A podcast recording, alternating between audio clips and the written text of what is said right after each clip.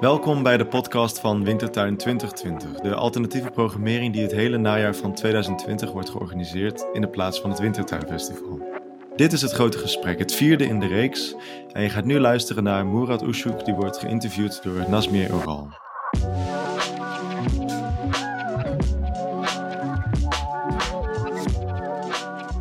Uh, welkom Murat Ushuk, welkom op deze avond.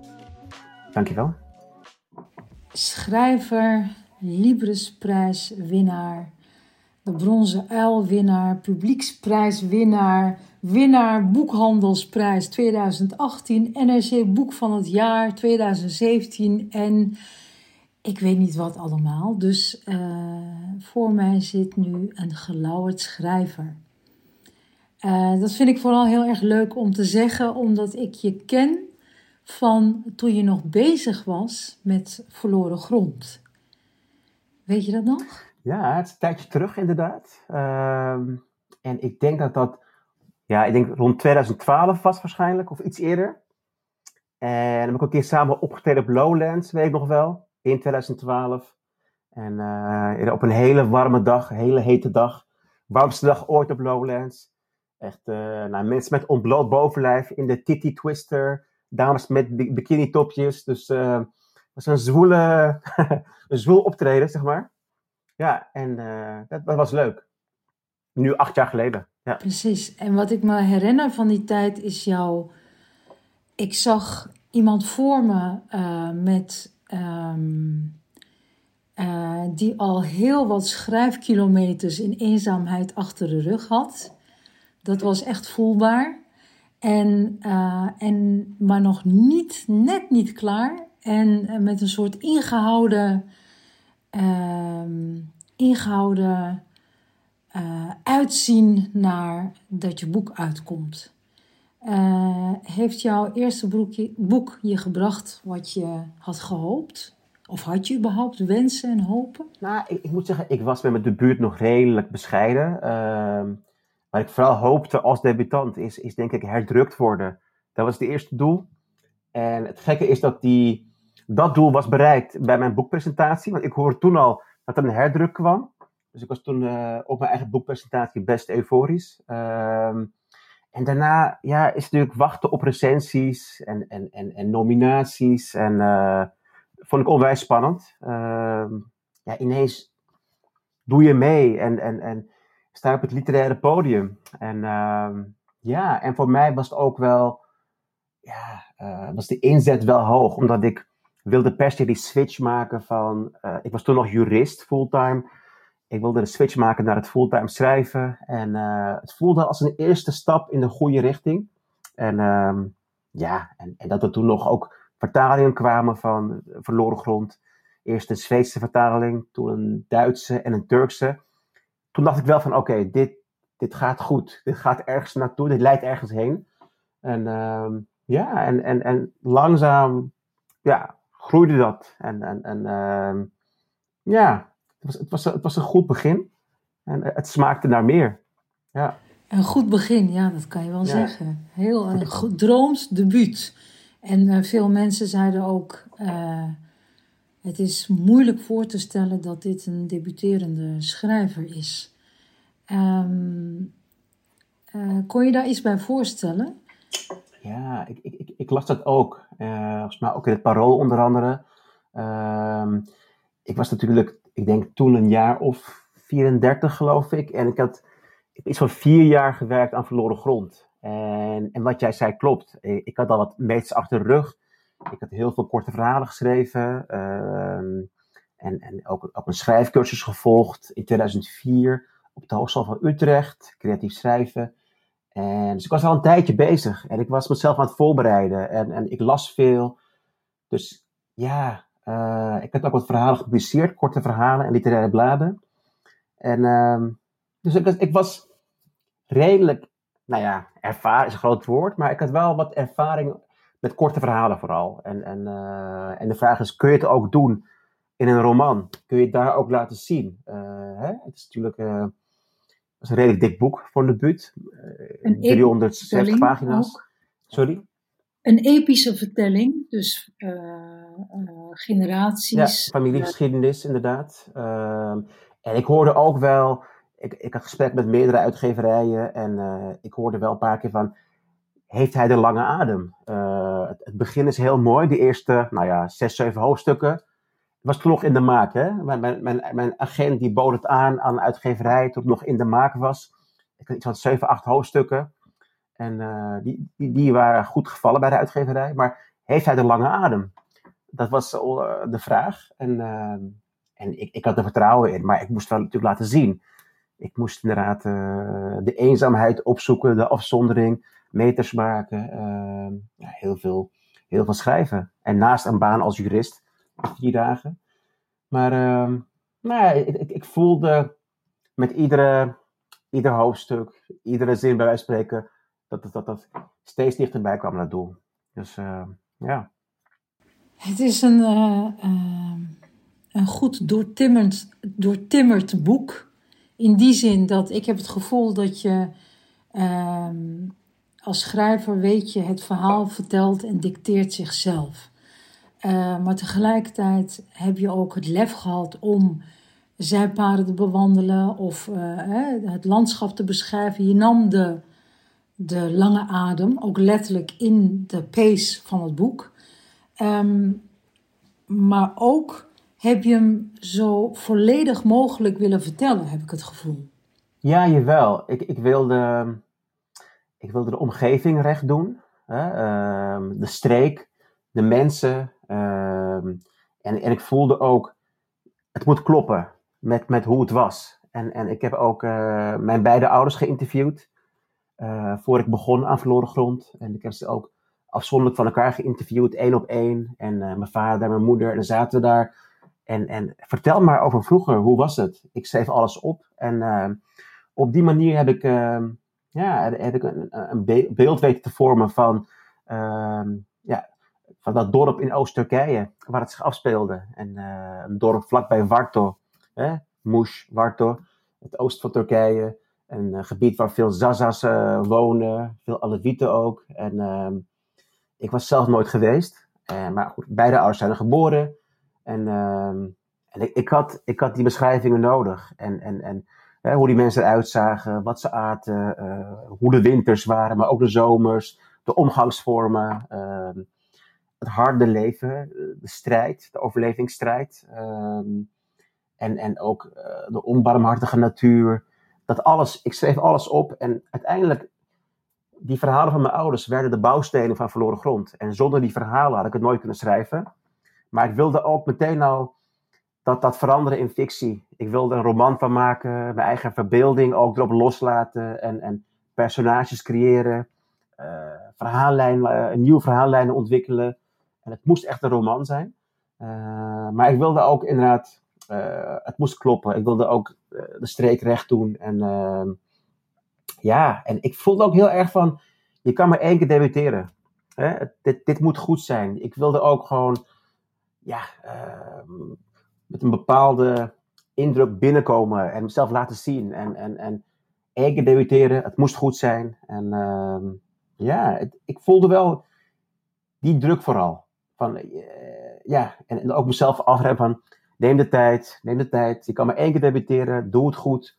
Ehm, en, en ja, ik heb daar heel, heel hard aan gewerkt, aan Grond. Echt tot, vaak tot diep in de nacht. En uh, ja, het was wel, uh, ik, ik, ben wel diep gegaan toen, ja. ja, dat geloof ik. ook omdat uh, ik hoop dat dat nu iets minder is geworden. Ik weet niet hoe dat werkt. Als je een Librisprijs wint, ga je, krijg je dan meer zelfvertrouwen. Misschien ergens wel. Misschien aan de andere kant wordt de druk ook hoger. Weet ik niet. Maar ik heb wel um, bij jou uh, altijd de indruk gehad dat je de lat voor jezelf, in ieder geval, dat je het jezelf niet makkelijk maakte. Dat je veel van jezelf eist. Ja, ja dat klopt wel. ik ben niet snel tevreden. Ehm, ik leg de lat hoog voor mezelf. En uh, ik ben ook hard voor mezelf. Uh, als het niet lukt, dan ja, gevoelens van zelfverwijt. En, en, en gevoel van, ja, je laat iets liggen. Deze dag is, uh, is verloren gegaan. Je had er meer uit kunnen halen. dat soort gevoelens heb ik zeker. Ehm, maar ehm, het is wel gelukkig veranderd. Ik, ik voelde met verloren grond heel veel druk. En, en, en ook de onzekerheid van, heb ik het in me? Kan ik het? En, en, en, en wat als het een illusie is en, en dat het allemaal in mijn hoofd zit, maar uh, dat ik het niet in me heb. Hè? En, ja, je moet het maar laten zien. En ik merkte wel met Wees Onzichtbaar dat dat vertrouwen, uh, dat het toch anders was. Dat, ik veel meer uh, ja, het ambacht beheerste. Dat ik het vertrouwen had van, van het eerste boek. En dat ik voelde van, uh, ja, dit, dit kan misschien lang duren. Het opnieuw vier jaar aan gewerkt, net als verloren grond. Maar je weet nu in ieder geval, het levert iets op. En, en, en je hebt het laten zien. En, je, je, je, bent je aan het ontwikkelen als schrijver. En, en ik voelde dat ook. Ik merkte dat ook. Dat het ook makkelijker ging. En dat ik ook anders ging schrijven met Wees Onzichtbaar. Uh, iets, iets frivoler. Iets, uh, maar ook met, met, bijvoorbeeld met humor. Er zit er ook heel veel in. Uh, er zit ook ironie in, een beetje absurdistisch. Ik ging veel meer spelen met, met mijn stijl. Uh, en ook, ik kan ook variëren qua stijl binnen in verschillende hoofdstukken. En ik was veel meer meester over het onderwerp. ook omdat het misschien zich afspeelde in een bekend gebied. Dat speelt ook een rol. Maar ik denk toch vooral de ontwikkeling als schrijver. Dat ik, dat ik al veel verder was. Ik had natuurlijk heel veel ja, honderdduizenden woorden erop zitten als romanschrijver. En ja, op een gegeven moment ja, gaat, gaat het zich uitbetalen. En, en, en het levert ook meer plezier op. Ik had ook veel meer schrijfplezier met, met Wees Onzichtbaar. Dat ik ook van, van kon genieten eigenlijk. Ja, ja wat bijzonder. Want um, bij Verloren Grond heb ik het gevoel... ik, ik ben trouwens super benieuwd hoe de interviews waren met je ouders... Want uh, inmiddels is je vader overleden. Uh-huh. Um, uh, met je moeder heb je, als ik het goed begrijp, een, een redelijk goede band. Ja, zeker. En uh, met je vader had je een minder goede band. Um, maar hij was tegelijkertijd ook een verhalenverteller. Ja, klopt, klopt. En en als ik dit zo hoor, een kind wat nooit is, uh, op de geboortegrond is geweest van zijn ouders, uh, daar veel over wil weten. Ik kan me ook als, um, ja, als iemand die. Uh, mijn ouders komen ook uit, hè, uit Turkije, ook al behoren we tot een andere etnische achtergrond weer in Turkije. Um, heb ik een raar soort ik kan dingen horen en de beschrijvingen horen en ik ben er nog nooit geweest. En toch, daardoor ontkiemt het zich in mij en weet ik dat het altijd in mij heeft bestaan als een soort overlevering. Had jij dat ook? Ik denk, uh, kijk, voor mij, wat, wat het voor mij lastiger maakte, ik, uh, ik ben geboren in Izmir, in, in Turkije. Uh, maar toen ik twee jaar was, zijn we vertrokken naar Duitsland. Dus ik heb zelf geen ehm, actieve herinnering aan het land. En pas toen ik 14 was, zijn we voor het eerst teruggegaan. Uh, op vakantie, was in 1991. En ik had dus heel veel jaren gemist. Als kind nooit terug geweest. En ik was 14 toen ik het land voor het eerst zag, bewust. En uh, wat voor mij natuurlijk een soort van cultuurshock uh, teweegbracht. En ja, voor het eerst je familie zien, je grootouders, neven en nichten. Ehm, en toen ontstond dat beeld van, van Turkije zoals het toen was. Maar ik moet zeggen, daarvoor al uh, kreeg ik het vooral mee via de verhalen van mijn ouders natuurlijk, maar ook via Turkse films. Ik heb natuurlijk heel veel Turkse films gezien, uh, muziek, wat, wat, wat toch voor een soort, uh, ja, wat wel een plek veroverde ergens in mijn hart. Uh, Sezen Aksu, Ibrahim Tatlıses, de studie van Livaneli, uh, dat soort muziek, ehm, maar ook de films. Uh, Shen en ehm, Kemal Sunal. Ik heb wel, hè, en, en ook... Uh, je noemt nu allemaal grootheden op het gebied van muziek en grote komieken die iedereen kent. En wat mij enorm heeft geïnspireerd is de film, de film Jol van Yilmaz Güney. Ja, en dat is... Ik heb, het, ik heb het niet vaak gezegd. Ik denk één keer eerder bij een interview in, in België, in, in Gent. Maar dat, dat was wel een enorme inspiratiebron voor Verloren Grond, de film Jol. En de beelden die ik zag. Ehm, en, Wil je heel kort vertellen waar dat over gaat? Wat jou daarin zo raakte? Wat, wat je inspireerde? het isolement, het, het afgesneden zijn van uh, het rijke deel van Turkije, waar wel uh, artsen zijn en ziekenhuizen en... Nou ja, dat precies. Want de meeste films uh, in, Turkije speelt gewoon in Istanbul of, of, of misschien Izmir, maar vooral Istanbul. Hè, het moderne leven, het luxe leven, rijkdom. En dit is een film, Jol, um, waar, je, waar je ziet een aantal gevangenen gaan met verlof in het weekend volgens mij, gaan terug naar hun dorpen, uh, naar het oosten vooral. En, en je maakt die reis actief mee als kijker. En je komt in die dorpen, er, wordt Koerdisch gesproken uh, door die acteurs, ook uniek voor die tijd volgens mij. en je ziet, ziet de bergen, de dorpen, ziet de armoede, maar ook de onderdrukking. Hè? Onderweg naar het dorp zie je dat ze worden aangehouden door soldaten. Iedereen moet de bus uit, uh, ideebewijs tonen. Je voelt iets van de pijn van de mensen in, in, in Turkije, van de minderheden. En verhalen die ik kende van mijn ouders, hun verhaal, daar kende ik het van. Maar nu zag ik het echt op beeld, uh, hoe dat was. Ehm, en, en de acteur Tarek Akan. Uh, Tarek Akan, ja, ja. Ja, precies. Dat is uh, ook bijzonder. Want mijn vader werd in zijn uh, jeugd met hem vergeleken qua looks dan. Hè? Dus ook zijn filmheld. Dus hij wilde op hem lijken. En mensen vonden me ook op hem lijken.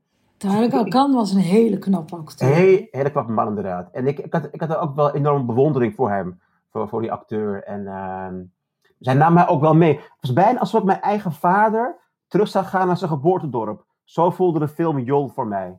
En uh, ja, het heeft mij heel erg veel... Het heeft me erg geïnspireerd, maar ook bepaalde handvaten gegeven voor, voor, voor het boek.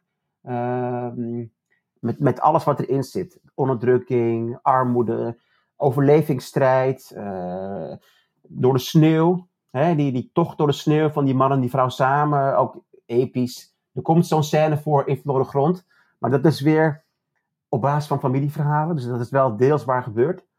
Maar ja, ik ben enorm, ik, denk wel schatplichtig aan Jol, moet, moet ik zeggen. Ja, ja dus uh, heel bijzonder. Nou, voor degenen die Jol nog niet hebben gezien, het is vast ergens te vinden. Y-O-L. Y-O-L schrijf je het, Jol. Dat betekent ook uh, The Way, The Road. Ja? Precies. Winnaar van de Gouden Palm in 1983. Toen uh, Gabriel Garcia Marquez in de jury zat, heeft hij dus Jol de Gouden Palm gegeven in Cannes. Heel, heel bijzonder. Marquez, mijn literaire held. Dus ja. ook dat, dat valt weer samen. Heel, heel bijzonder. En um, over politiek gesproken en ook het, het Koerdische, wat toen inderdaad echt revolutionair en vooral politiek was. Ja. Uh, nu is dat nog steeds uh, zo. Nu, uh, we hebben een opleving gehad waarin, waarin het allemaal kon en mocht. Alle etnische achtergronden broederlijk samen. En nu is dat weer een beetje teruggedraaid. Ja, um, ja. ja. Had jij ehm, met verloren grond, als ik jou zo hoor praten over nou ja, ik kende het niet. Uh, ik heb mijn ouders geïnterviewd. Uh, maar ik wilde per se dat het fictie werd. Is dat, is dat Murat, maar ook vooral de schrijver die zijn eigen geschiedenis uh, wil heroveren? Op zichzelf bijna. Ja, ik, ik, denk wel het familieverhaal, het verhaal van mijn familie ontdekken vastleggen en, en daarmee ook veroveren, denk ik. Want uh, mijn familie is Zaza, dat, is ook mijn etniciteit, Zaza. En het is vooral een, een, een orale traditie. Er is heel weinig vastgelegd in geschriften.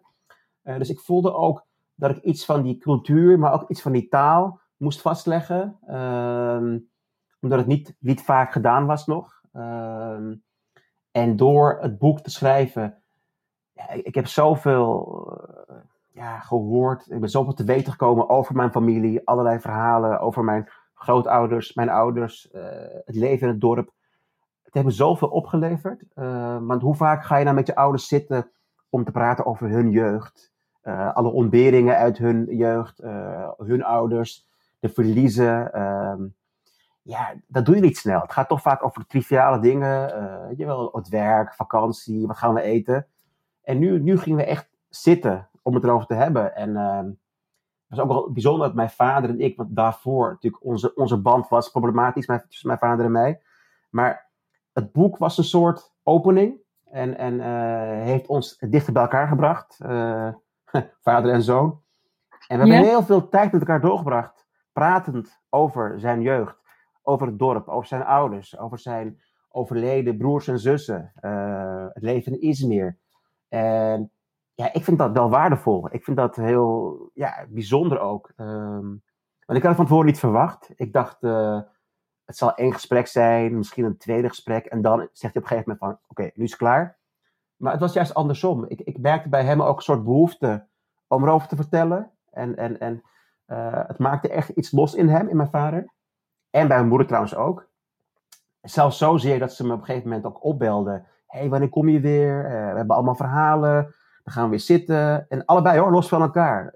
Echt een drang om te vertellen. En alsof het iets, iets, iets helends had. Alsof het soort bijna nou, therapeutisch. Hè? Praten over vroeger. Dat ze het niet vaak deden op die manier.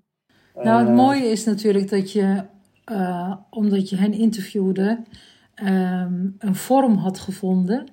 Dus even en de zoon, wat toch ook niet de zoon was, maar iemand die getuigenis. Hè? Zij deden getuigenis en jij kon dat, jij was de toehoorder. Um, hele mooie vorm om, om eigenlijk gelijkwaardig bijna aan je ouders, om ze, um, om ze te horen inderdaad. Ja, nou, inderdaad, zo voelde het ook. En de vorm was heel prettig. En, uh, en ik durfde ook dingen te vragen die, die ik daarvoor nooit heb gevraagd. En, en er was nooit een juist moment voor, nooit echt een aanleiding. Hè? Maar als je eenmaal diep in het gesprek zit, is de kwestie van luisteren en doorvragen. En nog een keer doorvragen. En, en, hè? en, en dat is wel, ja, waar het, waar het om gaat, denk ik. Die verhalen die nooit zijn verteld, waar, waar de pijn zit. Uh, heel lang toegedekt gebleven. En nu, ja, uh, ging het toch wel vrij makkelijk. Nou, makkelijk. Ze waren bereidwillig. En, en, en ze wilden het graag delen. En dat verbaasde me ook. Dat ze niet afdekten, zeiden van, nou, hier gaan we niet over praten. Het, het, het bleef open. Het, het bleef, uh, ze waren heel welwillend. En dat, vond ik uh, heel fijn. En van mijn vader heeft me ook wel verbaasd dat hij zo open was. En ja, ik ben, hem ook dankbaar voor, absoluut. Ja. En waarom denk je dat dat was? Uh, is het puur dat jij uh, onbevooroordeeld en echt aan het luisteren was? En dat wij mensen eigenlijk gewoon gezien en gehoord willen worden? Denk je dat dat het is? Dat is een factor. Ja, ik kan heel goed luisteren. als, als kind was ik alleen maar een luisteraar. Ik, ik observeerde, ik, ik vertelde nooit zoveel. Ik was meer van het vragen stellen. Dus het is, een, het is ook een rol die mij van nature goed ligt. Uh, ik heb echt moeten leren om te vertellen. En ik wist ook als schrijver moet je ook vertellen. Op papier, maar vooral ook op podia. Dus je kan niet alleen maar uh, luisteren. Uh, dus die rol lag me wel. Het luisteren en doorvragen. Maar ik denk ook dat het ehm, ja, voor mijn vader en mij eh, ook weer een stap was in onze relatie. Het gaf ons ehm, de kans elkaar op een andere manier te leren kennen. Om toch weer ja, dichter bij elkaar te komen. Hè? Om een soort van kloof die altijd bestaan te overbruggen. En elkaar een beetje in het midden te vinden. En, en ik denk wel dat mijn schrijverschap ons echt dichter bij elkaar gebracht heeft. En dat, het ook, dat hij ook dat bewonderde en dat respecteerde ook. En uh, waar hij voorheen, uh, ja, waar we toch wel botsten. En hij wat, misschien wat kritischer was. Of, of misschien andere verwachtingen had. Een zoon die meer op hem leek iets meer macho was misschien. Uh, samen rakken drinken. Wat we hebben gedaan trouwens, in Turkije. Maar en nu, nu zag hij mij ineens als een soort, uh, ik denk ook als, als een volwassene, een schrijver. Iemand die, uh, die op het juiste pad zit. En ook, hij was een lezer. Hij las heel veel. En, en, en, en echt de boekkasten vol thuis. En met door te schrijven heb ik zijn bewondering uh, ja, veroverd, als het ware. Dat was niet mijn doel, maar misschien onbewust. Maar ja, hij, het heeft hem wel anders naar mij doen kijken. Uh, mijn schrijverschap. En zeker op een gegeven moment het boek ook vertaald werd in het Turks. En hij, een keer, hij was toen een keer in Istanbul, uh, omstreeks 2014. En hij zag mijn boek liggen in het boekhandel in Istanbul. Ja, daar maakte hij een foto van. Dat appte hij naar mij. Kijk, je ligt hier in Istanbul in de boekhandel. Nou ja, dat is, dat is helemaal niks voor hem om zo trots te zijn. Maar op dat moment uh, was hij dat. En uh, ik denk dat het voor hem wel echt bijzonder was om mijn boek daar te zien liggen. Wat, wat natuurlijk hun familieverhaal is. Zijn familieverhaal, maar ook van mijn moeder. Dus dat was wel uh, een mooi moment.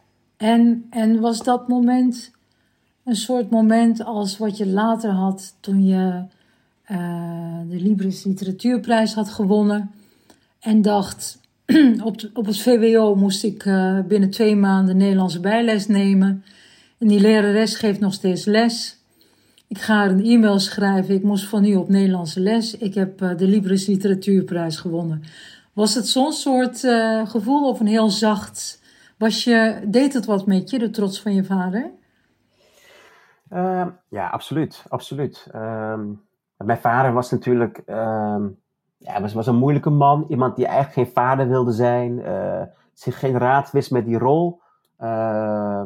En hij heeft één keer gezegd, ik ben trots op je. Het was toen ik uh, een verhalenstrijd won.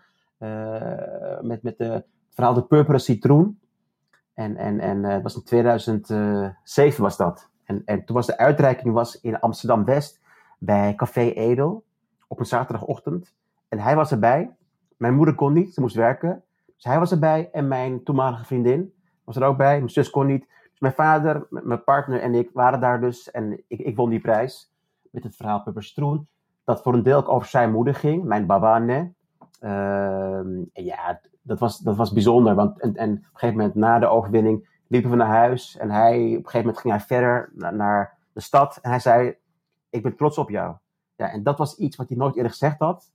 En komend uit zijn mond is, ja, was dat heel bijzonder. En uh, ja, door schrijven, uh, nou, gegeven of gebeurd, om maar aan te geven wat, wat het uh, met, met, onze relatie deed. En met, met hem deed ook. Ja. En um, wanneer ben je toen, had je moeite om van de zoon die interviewt en daarmee een nieuwe relatiemogelijkheden opent, niet alleen naar de vader, maar ook naar de moeder Um, en uiteindelijk besluit, oké, ik ga hierover schrijven, dat wisten jullie al, maar het wordt wel van mij. Ik ga gewoon husselen en doen, want ik wil, ik wil als schrijver vrij zijn. Dit wordt fictie. Uh, vond je dat, hoe was die transitie voor jou? Uh, ontvouwde het verhaal zich vanzelf of kon je die vrijheid meteen nemen? Want Selim is gemodelleerd naar je opa, begrijp ik, de vader van je moeder. Ja, grotendeels. Want Selim in Verloren Grond is, is de vaderfiguur. En hij is deels op mijn ja, uh, moeders vader gebaseerd, deels op van mijn, van mijn vader. Uh, de een was verhalen vertellen, de ander was een boer die zijn been verloren op uh, vrij jonge leeftijd. Dus ik heb beide grootvaders tot één personage gemaakt, de, de vaderfiguur. En ehm, dat, was, dat was niet moeilijk. Ik dacht even dat je een, een bruggetje maakte naar Wees Onzichtbaar. Ja, ja, ja. Maar dat was lastiger. Dat was veel lastiger. En, en, en, maar verloren grond, dat, dat voelde eigenlijk vrij. Het ging vrij natuurlijk eigenlijk. Uh, het was ook, denk ik, een warm verhaal. Precies, uh, misschien ook omdat het zachter was. Het is zachter. Het conflict zit buiten het gezin. Ja. Uh, de vijand is the others. En, en ja. de andere dorpeling is natuurlijk veel makkelijker ja, het noodlot uh, gebeurt. Het noodlot, precies, het noodlot. En je kunt niemand echt iets verwijten, behalve dan de, grootvader, de, de, de vaderfiguur. Maar het was niet dat ik iemand, uh, ja, hoe zou ik het zeggen, um, bekritiseerde of, of aanviel. Um, of taboes doorbrak voor mijn gevoel. Wat niet mijn insteek was per se. Hoewel het toen wel, ja, toen ik het 2008 schreef, het was wel een andere tijd, moet ik zeggen hoor. Uh, ook, ook, ook over de Armenen kon je veel minder vrij over vertellen en, en, en praten. Het was toen wel echt wel een ding. Uh, maar, dat komt er wel naar voor in het boek. Dat het een Armeens dorp was, een verlaten Armeens dorp. Dat de Armenen veel hadden geleden. Nou goed, dat, dat komt erin voor. En, en ook het, nou ja, goed, het Koerdisch, het, het Zazaki, uh, streek vol minderheden. Maar verder was het niet, binnen de familie was het niet iets ja, om te schrikken voor reacties. Het was niet dat ik. Uh... Nee, precies. Dat, dat is helder. Um, dankjewel. Maar uh, toen je zei van ik dacht dat je een bruggetje wilde maken naar Wees Onzichtbaar.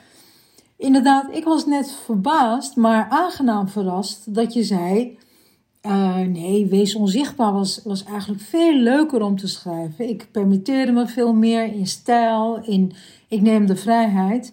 En, ik, en ik dacht zelf, ja, je nam je ging echt op je autonomie en autoriteit zitten van binnen. Want ik uh, heb ergens gelezen dat je vader je e-mails bleef sturen. Omdat hij wist dat je dit boek aan het schrijven was. En die heb je niet gelezen en niet geopend, omdat je niet beïnvloed wilde worden.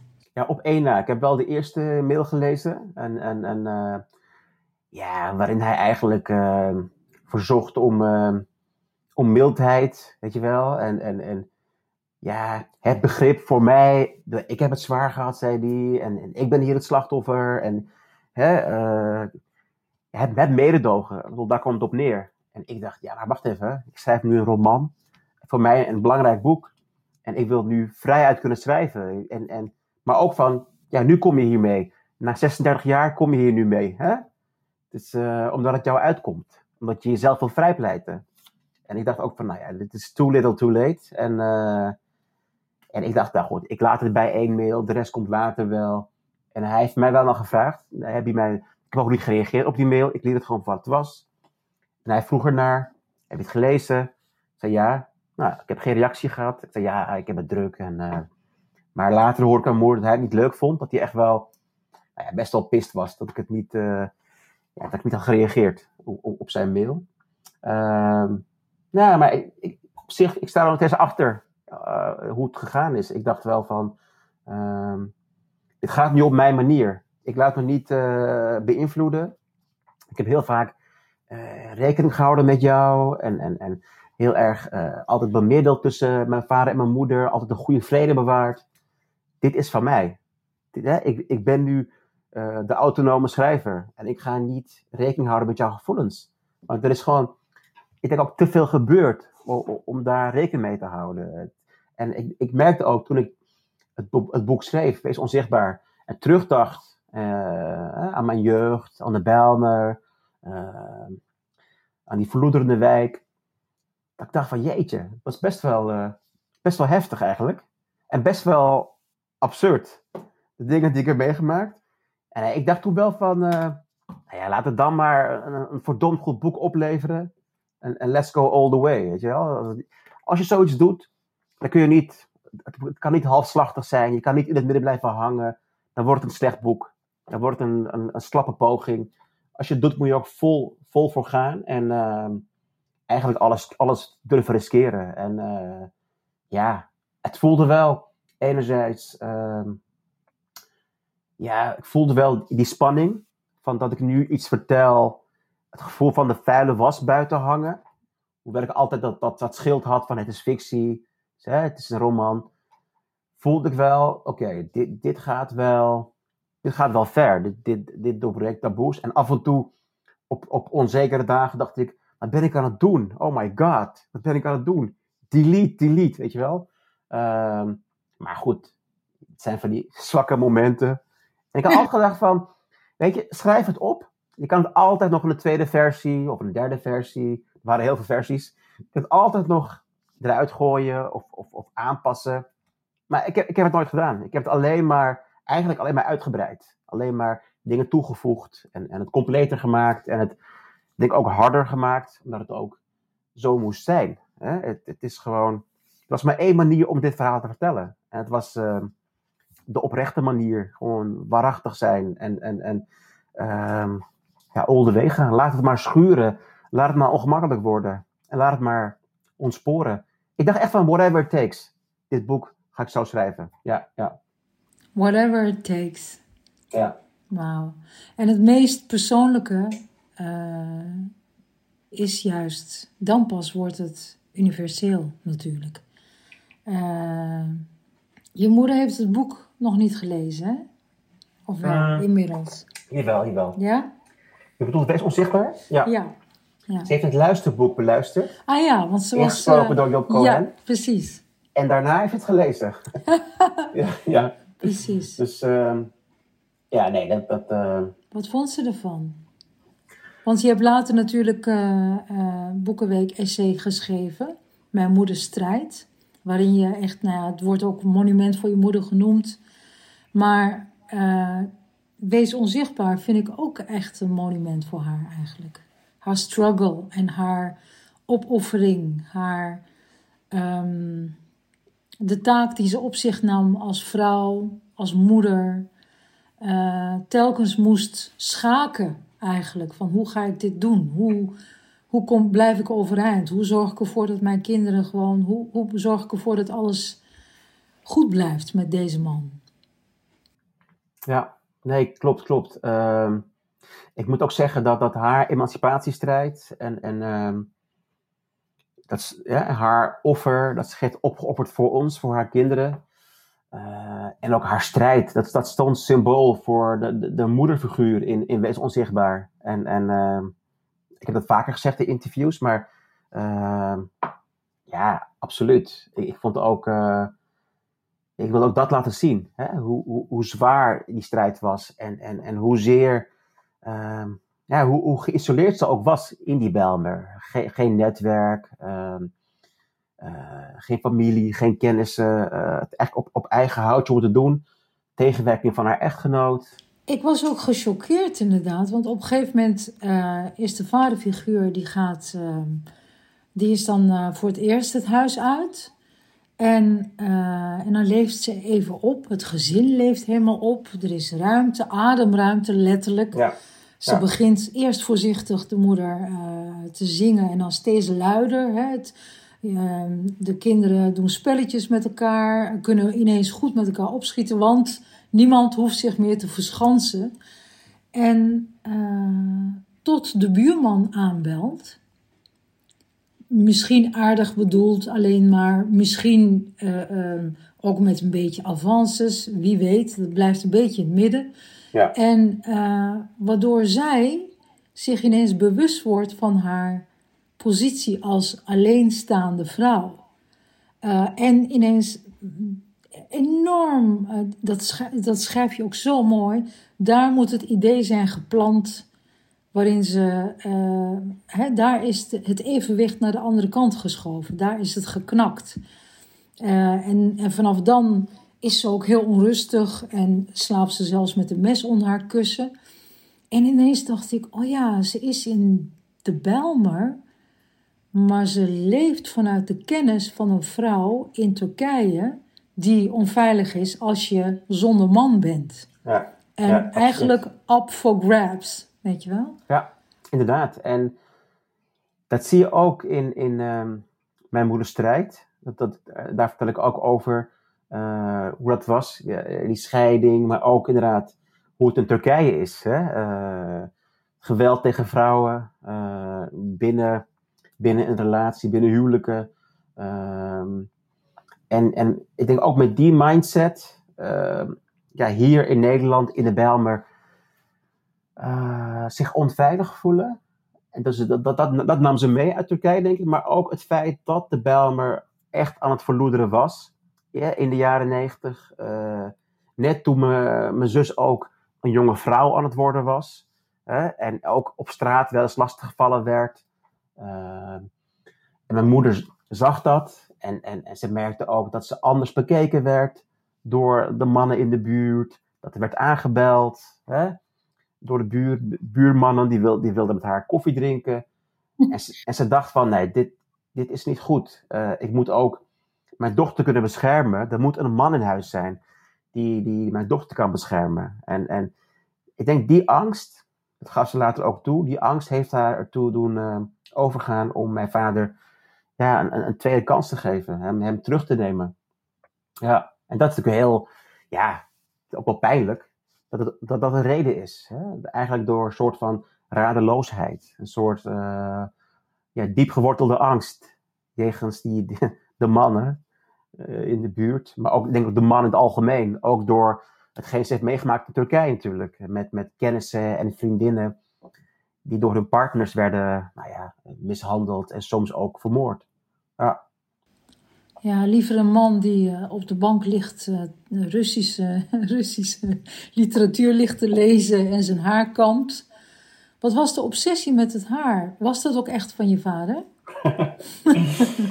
ja. Jij hebt ook heel veel haar, hè? Jij hebt ook heel stevig veel haar. Ja, maar hij heeft nog dikker haar dan ik hoor. Echt, uh, Wat? Tot in, kan dat? Tot, tot, in zijn 60s. Het is gewoon, hij heeft, hij heeft hele goede, goede, goede genen, denk ik. Ehm, maar goed, het is natuurlijk een, een vorm van ijdelheid. Doorgeslagen ijdelheid. Ik bedoel, iedereen is een beetje ijdel, denk ik. Maar bij hem uh, was, was het toch een paar, een paar niveaus sterker. En uh, ja, ehm, kennelijk vond hij het belangrijk. En, en, en ik vond het ook wel vermakelijk om dat dan te benutten, ook in het boek. Om, ehm, ja, eindelijk kon ik daar iets mee doen. Hè, die frustraties gebruiken om, om iets, iets mee te creëren. En ik vond het ook heerlijk om te schrijven, die scènes. En ik, ik heb het ook wel aangezet, moet ik zeggen. Maar uh, ja. Heb je iets gevonden? Ja, ik had. Uh, oh, er was zoveel waarvan ik dacht: wat. wat uh, nou, dit vond ik wel een um, bijzondere. Dat is op um, bladzijde 242. Metin komt thuis. Of uh, die heeft een envelop met schoolgeld in zijn hand. Oh ja. Zou je dat willen lezen? Of wil jij hem voorlezen? Je hebt een hele mooie stem. En dat is... ja, wil jij het doen? Echt waar? Oké. Okay. Ja. Nou, dus uh, vader en zoon. Is dat de envelop waar je schoolgeld in zit? Hij vroeg het op een vriendelijke toon die niet paste bij zijn vaste ochtendhumeur. Ik was meteen op mijn hoede. Instinctief wilde ik nee antwoorden. Ik vertrouwde de vreemde glimlach rond zijn mondhoeken niet. Om tijd te winnen keek ik naar de envelop in mijn hand. Maar ik wist dat ik er niet aan ontkwam om toe te geven dat dit de envelop was. Dus knikte ik. En op een bescheiden toon, waarop hij me niet eerder iets had gevraagd, zei hij: eh, Zou je het aan mij willen geven? En weer was er die verdachte glimlach. Ik keek hem verbaasd aan. Uh, ik heb dat geld nodig. Het klonk bijna verontschuldigend. Misschien zat hij in de penarie. Maar moest ik eraan meewerken dat zijn gokschuld vereffend werd met mijn schoolgeld? Opnieuw keek ik naar de envelop met daarin een voor mij duizelingwekkend bedrag dat bestemd was voor de school waarvan ik wist dat ik er niet thuis hoorde. En op dat moment drong het tot mij door. Mijn vader bood mij eigenlijk een uitweg, zonder het te beseffen. Waarschijnlijk zou de rector me zonder te twijfelen wegsturen omdat mijn vader zo moeilijk had gedaan bij mijn toelating. Waarschijnlijk zag hij mij toch al als een lastige leerling, die nu ook nog eens een wanbetaler bleek te zijn. Maar toen zag ik mijn moeder in gedachten voor me. Ze had gestreden voor de inhoud van deze envelop. Ik mocht het nu niet uit handen geven. Net als zij moest ik me nu vasthoudend tonen. Maar het is mijn schoolgeld, zei ik. En ik merkte dat mijn stem onvast klonk. Ja, dat weet ik, maar ik heb het nodig. Hij sprak met een stem die geduldig en warm klonk. Even kwam ik weer in de verleiding om toe te geven, om mijn vader te helpen, zodat hij later niet zou zeggen dat zijn zoon hem in de kou had laten staan toen hij in de problemen zat. Niet eerder had hij om mijn hulp gevraagd. Niet eerder had hij mij nodig gehad. Maar ik heb het ook nodig, zei ik. Ah, vraag gewoon uitstel op school. Even was ik bang dat hij de envelop uit mijn handen zou grissen. Ik heb al een paar keer uitstel gevraagd. Ah, wat maakt het uit, zei hij achterloos, de zin uitsprekend die ik zo haatte. Dan vraag je toch gewoon nog een keer uitstel? Nee, zei ik vastberaden, waarna ik meteen de verbazing op zijn gezicht zag. Vertrouw je vader soms niet? Zijn woorden troffen me onverwacht. Daar gaat het niet om. Ik dacht na over de juiste woorden. Als ik het geld vandaag niet geef, kom ik de klas niet meer in. Ik vouwde de envelop en stak hem in mijn broekzak. Ik moet nu gaan, zei ik, anders kom ik te laat. En zonder zijn reactie af te wachten, liep ik om hem heen, raapte mijn rugtas van de grond en wandelde de deur uit. Uh, ja, ik dacht hier, dit, dit is hier zit midden op de, uh, op de middelbare school. Dat is de hel. Ja, ja. um, en um, nou ja, thuis is ook de hel uh, door de vader. En dit ontroerde mij heel erg, omdat het zo. Um, eigenlijk voor, voor Mitten ook een soort tweesprong is. Waarin hij heel makkelijk, want hij is nog maar een kind, tegenover zijn vader, heel makkelijk uh, um, zich gewonnen kan geven en ook voor in zijn leven de makkelijke weg kan kiezen. Um, en toch heeft hij de tegenwoordigheid van geest om te begrijpen dat de buitenwereld, hoe moeilijk en vijandig ook, een beter, betere toekomst is dan, um, dan niks. Dan het loslaten van alles. Dan, dan de makkelijke weg. Dat vond ik heel ontroerend. En ik vroeg me af, uh, ja, is dit gebeurd? Ik klink echt als een soort. ik stel dezelfde vraag. Dit is uh, uh, equivalent van dat mensen tegen mij zeggen als acteur: hoe kan jij die teksten onthouden? Weet je wel zo. Dus vergeef mij. Ja, maar... ja precies. Nee, ik, ik, snap, ik snap het hoor, de, de vraag. En uh, een mooi voorgelezen trouwens. Uh, dank je. Uh, ja, dit, dit, is, dit is een bijzonder moment wel. Ik, ik, je las het voor dacht, oh ja, inderdaad. Ik was het al even vergeten, maar ehm, het is een moment dat hij best wel autonoom handelt. En, en, en eigenlijk voor het eerst echt in verzet komt tegen zijn vader. Uh, en, en durft uh, ja, zijn poot stijf durft te houden. En, uh, hoewel eigenlijk, ja, die, die school vervloekt hij, maar goed, het is voor zijn moeder belangrijk. En zij heeft ervoor gevochten voor de inhoud van die envelop. Dus, dus ja, hij gaat ervoor. En hij weet ook dat zijn vader gokt. En hij, ja, dat, dat, vervloekt hij ook natuurlijk. Um, nee, ik moet zeggen, kijk, ik had heel vaak de vraag: is dat waar gebeurd? En die scène en die scène. En vaak zeg ik dan, ah goed, hè, ik zeg een paar dingen. Uh, er zijn overeenkomsten, maar ik ga niet per scène aangeven. Dit is waar gebeurd en dat niet. Nee. Maar dit is zo'n scène. ik heb iets soortgelijks meegemaakt. En ik, ik, ik, heb het natuurlijk uitvergroot. En ik ben, ik ben natuurlijk, uh, ik maak er fictie van. Tuurlijk. Maar ik heb, ik heb ook iets soortgelijks meegemaakt. Hè? Dat ik inderdaad uh, het schoolgeld moest overmaken. En hij blijkbaar het geld hard nodig had. En, uh, en ik dacht van, hè?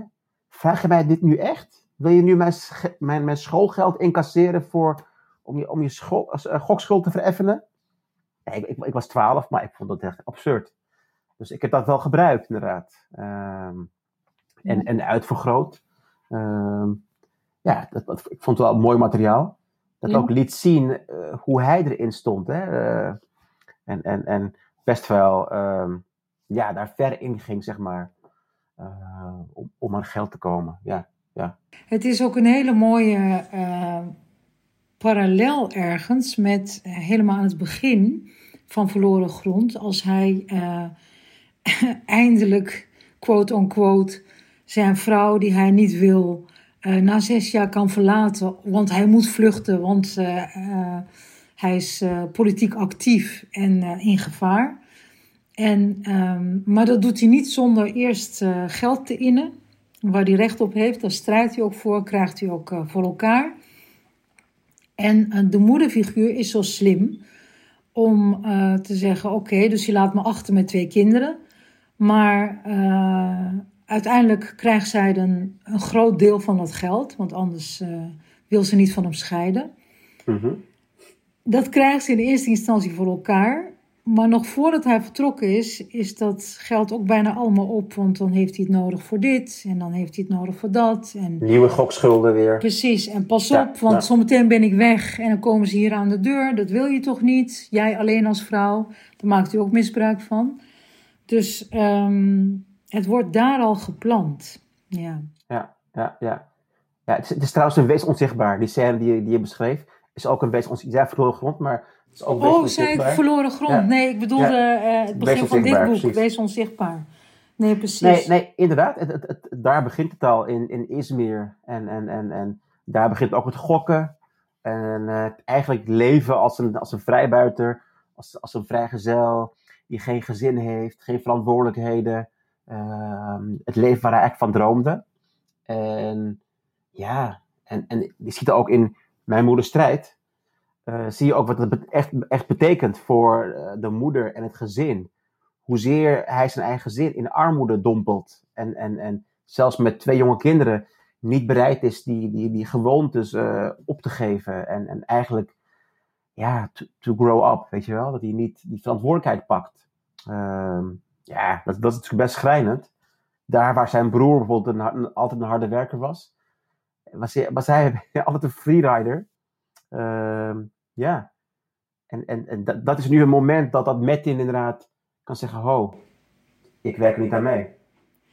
En wat ik mooi vind is, uh, ook in uh, uh, Wees Onzichtbaar krijgt Metin op een gegeven moment op de middelbare school een, een beste vriend.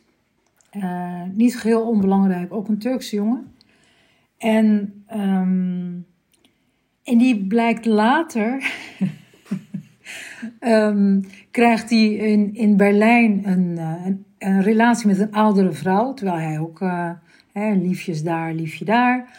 En, um, maar die staat op het punt om eigenlijk dezelfde fout te maken als de vader van Metin. Want zijn vriendin in Duitsland wil graag een kind. En die vindt hem zelfzuchtig en uh, hij, weet niet wat hij moet doen. En dat vond ik ook een hele ontroerende scène, dat Metin zegt... Uh, joh, uh, wat wil jij? Ja, zegt hij, ik wil gewoon daar theater dingen opbouwen en dan weer naar Izmir en dan wil ik naar Istanbul en naar Beirut en een beetje raki drinken en dan weer gewoon naar huis. Ja. Gewoon vrij. En dat uh, Metin zegt, doe dat dan. Weet je, doe, doe het je, je moet echt geen kinderen nemen. Dat moet je dat gezin echt niet aandoen. Dat vond ik ook heel ontroerend, ook omdat het Kijk, van zijn vader heeft hij nooit kunnen houden. Maar uh, van die vriend natuurlijk zielsveel. En zo gespiegeld gekregen van... Zijn vader is natuurlijk ook ooit zo geweest. Alleen hij heeft dan voor een ander pad gekozen. Hoe, hoe was dat voor jou als, um, als schrijver? Heb je dat natuurlijk allemaal in je moeten verwerken. Dus ook de andere kant. Je hebt je vader ook als een kaya moeten zien. Ja, het, het is wel grappig dat je over die scène begint. Het is echt een van mijn favoriete scènes in het boek. En het is eigenlijk toevallig ontstaan. Want ik had een heel ander idee met, met Kaya. En het zou iets anders aflopen met hem. En toen kreeg ik de feedback van mijn redacteur van... Zou je dat wel doen? He, zou je hem niet in het verhaal houden? En ik dacht van... Hmm, je hebt misschien gelijk. Dus ik heb heel veel herschreven naar de tweede versie. En ik heb het, het lot van Kaya aangepast. En daardoor is die scène ontstaan. Uh, met, met, met Metin en Kaya bij Café de Jaar op het terras. Dat ze elkaar uh, na lange tijd weer zien. En ja. dat, dat, dat de uh, Kaya in de zak en as zit. En eigenlijk vastzit in zijn leven. In een relatie zit die hem... Een vrouw die hem verandert. Die hem wil modelleren naar, naar, naar familieman. En voor het eerst ziet hij een parallel tussen Kaya, de vrije vogel, en zijn vader die allebei geen verantwoordelijkheid willen, die willen leven en genieten, eigenlijk geen gezin willen. En dat valt hem op dat moment op. En eh, dat is echt een van die um, geschenken die je soms als schrijver hebt. En, en, terwijl je in die flow zit en aan het schrijven bent, dat het ontstaat. Dat het jezelf verrast. Dat het echt een geschenk is um, van een schrijfgode, als het ware. En is echt een soort van, wauw, zo'n Eureka-moment van, dit is, uh, dit is heel mooi. En toen ik het zelf zag namelijk, ineens zag ik zelf die gelijkenis. Precies. Ik had het eerst niet door. En ineens zag ik het. Toen dacht ik van, oh ja, dit is, dit is, dit is mooi. Dit is echt uh, meant to be. En uh, ja, dit, daar, komt, daar komt heel veel samen. En uh, ook in de ontwikkeling van Metin en, en, en Kaya. Dat, dat Metin zo ver is dat hij zijn grote, ja, zijn, zijn broer, zijn mentor, eigenlijk zijn held, Kaya, van advies kan voorzien. En, en, en ineens zijn de rollen omgedraaid. En dat, dat tekent de ontwikkeling van Metin. En dat vond ik heel mooi. Dat, dat is een soort van geschenk. Uh, ja, dat, dat, dat gebeurt tijdens schrijven ineens. Ja. Precies, en terwijl we, omdat we helemaal zijn meegegaan met Metin en alles hebben meegemaakt, voelde voor mij ook uh, dat advies wat hij had. Ik bedoel, mensen kunnen natuurlijk zeggen: nee, joh, doe dat nou niet, dat is niks voor jou. Maar als iemand die dat minuut na minuut, dag na dag, jaar na jaar, als het kind van zo iemand heeft ervaren, tegen je zegt: dat moet je echt niet doen, want je weet niet wat je die kinderen en die vrouw aandoet. Dan luister je. Dat komt aan, weet je wel. Dus ik stelde me dat, dat hoorde ik erin. Ja, ja, ja. Ik stelde me dat voor. Precies, precies. En uh, in scène zie je ook de opluchting bij Kaya. Uh, met dat advies van Metin. En er valt echt een last van zijn schouders af. Van, uh, van hij weet waar hij het over heeft. En, en, dit is mijn broeder. Ik neem het van hem aan. En uh, waar was je al die tijd, weet je wel? Echt, ah, is helemaal relieved. En ja, het is echt een die scène is me ontzettend dierbaar. Ja, ja, ja heel, heel bijzonder. Uh, en mooi dat je me aanstipt. Ja. Nou, deze vond ik ook pijnlijk. Kaya komt uh, thuis bij hun. En uh, zit in de gang met de moeder te praten. En op een gegeven moment zegt de moeder... Metin checkt even of zijn vader thuis is natuurlijk, want dat wilde hij het liefst niet. Zonder iets te zeggen liep ik terug naar het halletje opende voorzichtig de deur naar de woonkamer en zag hem, de vader, roerloos op de bank liggen, verzonken in een boek. Ga maar in de woonkamer zitten, zei mijn moeder met een aangename opwinding in haar stem. Ik ga meteen thee zetten. Waarschijnlijk had mijn vader ons horen praten, want hij kwam overeind zodra, de zodra we de woonkamer betraden. Hij haalde snel zijn hand een paar keer door zijn haar, legde zijn boek op tafel en stond op. En alsof er een vleug van de hartelijkheid van mijn moeder op hem was overgegaan, deed hij een paar stappen naar voren en met een stralende lach stak hij een hand uit naar Kaya. Merhaba, hoş geldin, zei hij. Ik ben Harun. Je bent zeker een vriend van Metin? Merhaba Harun amca, antwoordde Kaya opnieuw in onberispelijk Turks. Hij noemde mijn vader oom, met dezelfde vanzelfsprekendheid en warmte als hij mijn moeder daarvoor tante had genoemd. Dat klopt, ja. Metin en ik zijn heel goede vrienden. Hij is mijn hemsheri en broeder. Hij knipoogde naar me, wat me verlegen maakte. Met zijn ongedwongenheid en natuurlijke flair maakte Kaya meteen indruk op mijn ouders. Ja, zelfs op mijn vader. Hoewel ik al vaak getuige was geweest van zijn welbespraaktheid en fijne manieren, was ik opnieuw onder de indruk. Misschien kwam het doordat ik hem niet eerder Turks had horen spreken met anderen. Kaya nam, na een uitnodigend gebaar van mijn vader, plaats op de bank en greep meteen het initiatief in het gesprek. Uh, wat leest u, als ik vragen mag? Mijn vader pakte zijn boek en bekeek het omslag even, alsof de titel hem door de onverwachte entree van Kaya was ontschoten. Ik herlees dit boek over het gedachtegoed van mijn kameraad Lenin. Ik hoopte dat mijn vader voor één keer het onderwerp van het communisme onberoerd kon laten, maar ik zag hem pijnzen. Misschien had ik mijn vriend moeten waarschuwen dat mijn vader een fanatieke communist was die geen kritische nood dulde.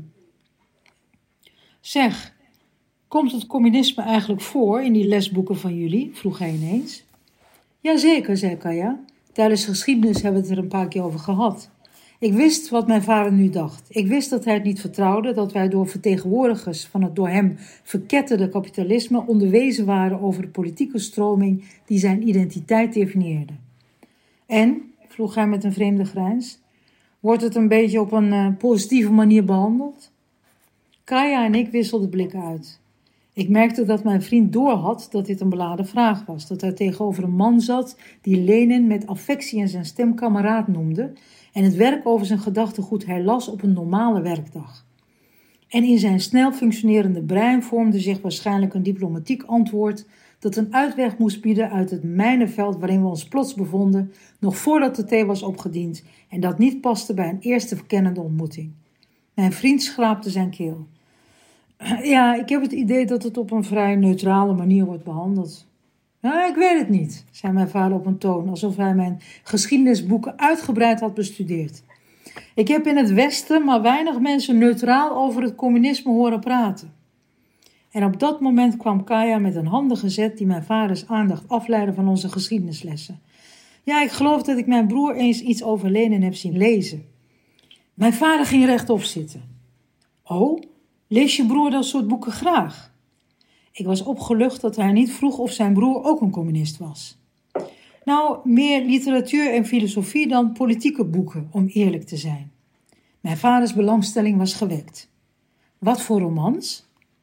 Hij leest vooral de grote Russische schrijvers. Welke? vroeg mijn vader, alsof hij onze gast aan een onverwachte test onderwierp. Kaya leunde ontspannen achterover en stond zichzelf toe een paar seconden in zijn geheugen te graven. Hoogstens drie seconden. Langer had hij niet nodig voor zijn antwoord. Dostoevsky, Tolstoy, Tsjechov. Mijn vader knikte instemmend alsof hij naar een muziekstuk luisterde dat hem bovenmatig beviel. Mooi. Heel mooi. Turgenev natuurlijk en Pushkin. Toen maar, ik ben onder de indruk, zei mijn vader. En ik hoorde dat hij het meende. Dat zijn sceptisch plaats had gemaakt voor oprechte waardering. Wat maar weinig mensen zo snel ten deel was gevallen. Heb jij er ook wel eens wat van gelezen? Kaya glimlachte. Hij had dit gesprek niet alleen soepel ingeleid, maar ook op soevereine wijze op een gemeenschappelijk en twistvrij onderwerp gebracht. En deze vraag trad hij met vertrouwen tegemoet. Hm, nauwelijks. Hoewel ik in de laatste zomervakantie wel een poging heb gewaagd om Oorlog en Vrede te lezen, maar dat heb ik na een week weer weggelegd. Ik ben daar ook pas na een paar keer doorheen gekomen, zei mijn vader begripvol. Het gesprek verliep zo goed dat een gevoel van jaloezie mij onverwacht overviel. Een bijtende jaloezie die niet alleen mijn vriends welbespraaktheid en welbelezenheid betrof, maar vooral betrekking had op mijn vaders aandacht voor hem. Pijnlijk. Ja, precies. Pijnlijk voor, voor, Metin. Ja, ja, ja. Herkenbaar vond ik het ook. Als, als uh, um, nou, niet, niet als kind van zo'n soort vader, maar, maar wel als kind van uh, wat, wat uh, ja, niet de afwas deed als meisje en niet, uh, weet ik veel, nakush en borduursels maakte en niet um, ja, uit de pas liep eigenlijk. Dus niet de goedkeuring kreeg van in dit Precies. geval dan mijn moeder. Ja. En, en um, maar ook van mijn vader hoor, weet ik, herinner ik me dat. Ik weet nog één keer dat mijn vader hield ervan om aan, auto, aan zijn auto te sleutelen. En dat deed hij dan buiten. En kennelijk was ik hem aan het bespieden van binnen. Ik was echt een jaar of, nou ja, 12, 13. Mhm, en, ja. uh, en er kwamen kindjes langs van de buren. Oh, en die gingen helemaal zo hè, heel lief doen. En hoe is het met jullie? En ik voelde echt een bijtende jaloezie en bijna haat, afgunst. Ik, had, ik weet nog dat ik dacht, waarom niet tegen mij? Waarom alleen tegen andere kinderen? Ja. Het was dus zo'n moment, dat, dat leek op de passage inderdaad, ja. Ja. Ja, het is ook, wat je ook heel veel ziet in, in de Turkse cultuur, of hè, volkeren uit Turkije, dat, dat ja, de gast is, is, is heel belangrijk. Hè? Gastvrijheid, maar ook als gasten binnenkomen, alle egaars onthaald. Um, ja, er wordt eten klaargezet, thee en alles. En, en wat, wat ik ook bij mijn vader merkte, wat, wat het heel pijnlijk maakte, is dat zodra wij. We kregen al weinig aandacht van hem. Hè? Uh, echt heel minimaal. Maar zodra wij gasten kregen, dan bestonden wij niet meer. Er waren echt letterlijk lucht voor mijn vader. En, en, daar groei je mee op. Met dat, met dat gevoel en dat accepteer je, hoewel je natuurlijk verbaast. Maar als het dan gebeurt uh, bij een van je beste vrienden, maakt het ook extra confronterend natuurlijk. En, en is het ook die, die, je vader aandacht hebben voor die vriend ook, aandacht die hij jou nooit gegeven heeft. Het, is heel, heel, het is heel verwarrend. Het is ook heel op meerdere niveaus verwarrend en frustrerend. En dat, dat heb ik daar in die scène gestopt natuurlijk. En uh, dit, dit is helemaal verzonnen. Maar ik heb wel op meerdere momenten gehad zo'n gevoel gekregen. Bijvoorbeeld als een neef van mij uit Duitsland op bezoek was. Een neef die uh, even oud als ik was. Of net ietsje ouder dan ik was. Maar wel als soort gelijk werd behandeld door mijn vader. alsof het een uh, kameraad was, weet je wel. Ze gingen samen gingen drinken, samen oké spelen. Nou, met mij nooit, samen gingen schaken. Ja. Ik dacht, oh, dus dat, dat kan wel. Je, je kan wel met iemand uh, schaken en, en diegene aandacht geven, als diegene veel jonger dan, uh, dan jij bent. Ja, en, en, dit, dit laat heel goed zien, deze scène, uh, ja, wat het met in doet. En ja, het, het is pijnlijk. Ja, en wat ik ook um, ontnuchterend vond, is. Um, ik kende tijdens mijn opgroeien dit soort mannen. Die dan belezen waren, uh, communist, links. Mhm. Die stonden trouwens heel ver weg van waar ik in ben opgegroeid. Want dat was meer het traditionele gezin. Dit was dan zogenaamd een vrij. Uh, hè, van buiten dacht ik altijd, dat zijn vrije mensen. Ja, kinderen krijgen gewoon. Ik mocht geen boeken lezen. Ik moest gewoon afwassen. Boeken, romans waren van de duivel. Daar leerde je in dat je uh, verliefd mocht worden of zo. Of allemaal frivol frivoliteiten, weet je. Heftig hoor, heftig. Ja, maar ik dacht, oh, maar, maar dat soort huizen waar, waar boeken zijn, waar gelezen wordt, dat leek mij het paradijs. Daar was ik dan weer, maar dan zo zie je maar dat dat natuurlijk totaal... Nou ja, precies. Als je een inkijkje hebt in, in, in die wereld. En, en, en vaak inderdaad dat soort mannen. Een bepaald soort stroming binnen de, uh, de Turkse mannen, mannen uit Turkije. Uh, zich naar buiten toe heel modern voordoen. Heel feministisch voordoen. Uh, mensenrechten, arbeidsrechten. En, en verlicht. Heel verlicht, hè. Maar ondertussen thuis een tiran zijn. En, en, en je vrouw geen enkele vrijheid gunnen, uh, nauwelijks geld voor het huishouden. Uh, en dat, dat is natuurlijk heel, ja, heel pijnlijk. Het is een enorm contrast met hoe ze zichzelf presenteren naar buiten toe, de moderne man. En denk je ehm, dat, dat uh, het deel van migratie ook een rol heeft gespeeld bij je vader? Want hij heeft dan eh, enorm een soort persona gemaakt. Hè? Van ik ben communist, ik lees, ik ben, hè, waar we het net over hadden. Um, denk je dat, dat het migrant zijn daar nog een stukje bovenop deed? In de onzekerheid? Ik denk, ik denk dat het, uh, het, het, migrant zijn iets was wat hij verworp. Hij zag zichzelf niet als een migrant. Hij was anders. Hij was bijzonder. Hij was politiek vluchteling. Hij was een politiek vluchteling. Hij was een communist. En dat was zijn identiteit. En, en hij was geen gastarbeider. Hij was geen, uh, niet iemand die in de fabriek zou gaan werken. Hij was voorbestemd om iets groots te doen voor het communisme in Nederland. En, en, en, en, en, hè? en met, met dat ene woord, communist, zag hij zichzelf inderdaad verheven boven al die andere Turkse mannen, de, de, de, de mensen die in fabrieken werkten, of naar de moskee gingen, of een, een groentezaakje hadden. Daar keek hij op neer. Want hij was, hij was een communist, hij was belezen en hij was een intellectueel. En hij las uh, Lenin en Marx en, en Dostoevsky. Ehm, hij dronk cognac en uh, thuis op de bank en rookte pijp. Uh, ja. En hij vond dat, dat, het hem allemaal tot een intellectueel maakte, een moderne man. Maar daar is meer voor nodig dan alleen maar zo'n act. het, is allemaal buiten, het is allemaal van buiten. Het is allemaal uiterlijk vertoon. En het, is, je moet het in, in je daden stoppen. En het begint binnen je eigen gezin. Hoe ga je met je, met je naasten om? Ja, dus in dit geval zouden we kunnen zeggen, uh, voor Metin niet. Metin krijgt letterlijk te maken met uh, eigenlijk discriminatie. Hij wordt lager geschat, hij, hij wordt uitgesloten, hij wordt schoonmaker genoemd. Um, terwijl zijn vader, uh, de, de vaderpersoon, personage zouden we kunnen zeggen, als dit zich in Turkije had afgespeeld, had hij zich alsnog van de rest van de mensen afgescheiden als uh, salonsocialist. Van hè, ik ben communist, ik, uh, ik heb idealen en ik ga niet werken, want ik werk aan iets anders. Ja. Dat is bijzonder, vind ik. Hoe bedoel je, bijzonder? Nou, omdat je uh, eerder zou denken het migrant zijn voor de, de eerste, de, de ouders, dus de eerste generatie, zeg maar um, zou een rol kunnen spelen, maar het speelt eerder voor het kind wat zich gaat wortelen in de maatschappij, krijgt ermee te maken, ook vanuit Belmer naar de stad. Uh, die trek is groter eigenlijk heeft meer invloed voor het leven van Metin dan de tocht van Turkije naar, of van hè, Turkije, Duitsland, Duitsland, Nederland. Voor de vader. Dus voor, dat het voor Metin zwaarder uitpakt. Ja, ja. Ja, want, ja, in die zin, ik snap wat je bedoelt. Want Metin wordt inderdaad als de Turk gezien uh, in de Bijlmer, maar ook op die middelbare school in, in Zuidoost. Uh, wordt onderschat, omdat het een uh, Turkse jongen uit de Bijlmer, die zal wel geen VWO aankunnen.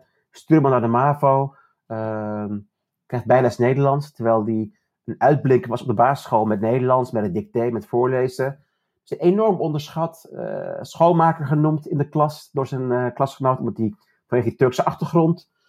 Uh, is eigenlijk waar, ja, wat je verwacht dat de vader overkomt misschien als hij gaat werken in een fabriek. Uh, misschien, ik denk dat je daarop doelt. Daar krijgt met mee, mee te maken, met, met die ja, discriminatie of onderschatting of maar wat ik me nu realiseer eigenlijk door, door jouw verhaal is ook dat um, je blijft daar min of meer van verschoond als je je onttrekt aan de maatschappij. Als je daar een beetje zo tussendoor laveert, maar je nooit wortelt. Want uh, de vaderfiguur leeft eigenlijk met de voeten van de grond. Hij leeft in zijn eigen bubbel. Ja. En Metin uh, zal zich wel moeten verhouden tot de maatschappij. En pas als je je verhoudt tot de maatschappij, dan pas begint het echte werk ook. Van je moeten verhouden en een plek veroveren daarin. Ja, vind ik mooi gezegd. Mooi gezegd. Ik heb er niet eerder zo bekeken, maar het is mooi gezegd. Want inderdaad, want wat ik wel vaak zeg in interviews, is dat ik ben geworteld in de Bijlmer. En voor het eerst in mijn leven kon ik ergens wortelen. En dat was de Bijlmer. En uh, het voelt als thuis. Het voelt als een warm bad. En ondanks alle mindere kanten, de onveiligheid, de verloedering, is het altijd mijn thuis geweest. En moest ik het daar redden. Ik moest die, die overlevingsstrijd leveren. In die wijk, uh, op school, op thuis. Uh, oppassen voor de junks en de kinderlokkers. En, uh, dat was, dat was mijn, mijn thuis. Ik moest me echt verhouden tot die wijk, tot die kinderen, tot die school. ik moest door de pijn heen, zeg maar om, om iemand te worden. En mijn vader heeft inderdaad altijd wel, of de vaderfiguur, in wezen onzichtbaar, zich daaraan onttrokken. Uit een soort van trots of zelfbescherming. Ik vooral zelfbescherming. Uh, ik heb niks te maken met die mensen. Ik ben een communist. Geef me je uitkering hè? en uh, laat me met rust. Hey, en denken daarmee weg te komen. Denken daarmee ja, het geluk te vinden. Uh, ja, en dat, dat is natuurlijk een enorm contrast uh, tussen, tussen vader en zoon. Hè? En, en, en uh, je gezin in, het, in de Belmer dumpen en zelf de stad ingaan en lekker drinken, hockey spelen, uitgaan. Ja. Hoe, hoe was het voor jou als, als man uiteindelijk om. Um, je kon je niet modelleren, want we modelleren ons toch naar de ouder wiens geslacht we hebben, zeg maar, de vader en meisjes de moeder. Dat wil je niet, maar dat gebeurt toch. En onze ouders leven ons voor. En ik heb jou, uh, ik heb wel eens gelezen van jou dat je zei: um, Ik heb me vooral gemodelleerd naar mijn moeder. Um, en ik vroeg me af, hoe, hoe is dat? Is het zo dat je. Heb jij. Ja, nee. Hoe, hoe is dat als man als je um, eigenlijk niet het gewenste mannenbeeld voorgeleefd krijgt? Dat is een hele goede vraag dit. Uh, ja, het is ook een hele essentiële vraag denk ik. Uh, voor mijn man zijn. uh, en ik, ja, voor mij, ik wist als kind al, zo moet het niet. Hè? zo ben je geen vader. Zo hoort het niet. Zo gedraag je je niet. Dus ik heb altijd gezien hoe het niet moest. En mijn moeder was een voorbeeld van hoe het wel moest. Je toch opofferen voor je gezin en, er altijd zijn. En, en uh, belangstellend zijn, je kinderen steunen, toch aandacht geven. Uh, ja, eh, het heeft mij natuurlijk en, en, en, een jongen heeft denk ik van, van zijn vader één ding nodig. de, de goedkeuring, de aanmoediging en dat is dan voor zijn zelfvertrouwen heel goed. De liefde krijgen van je moeder, het zelfvertrouwen van je vader.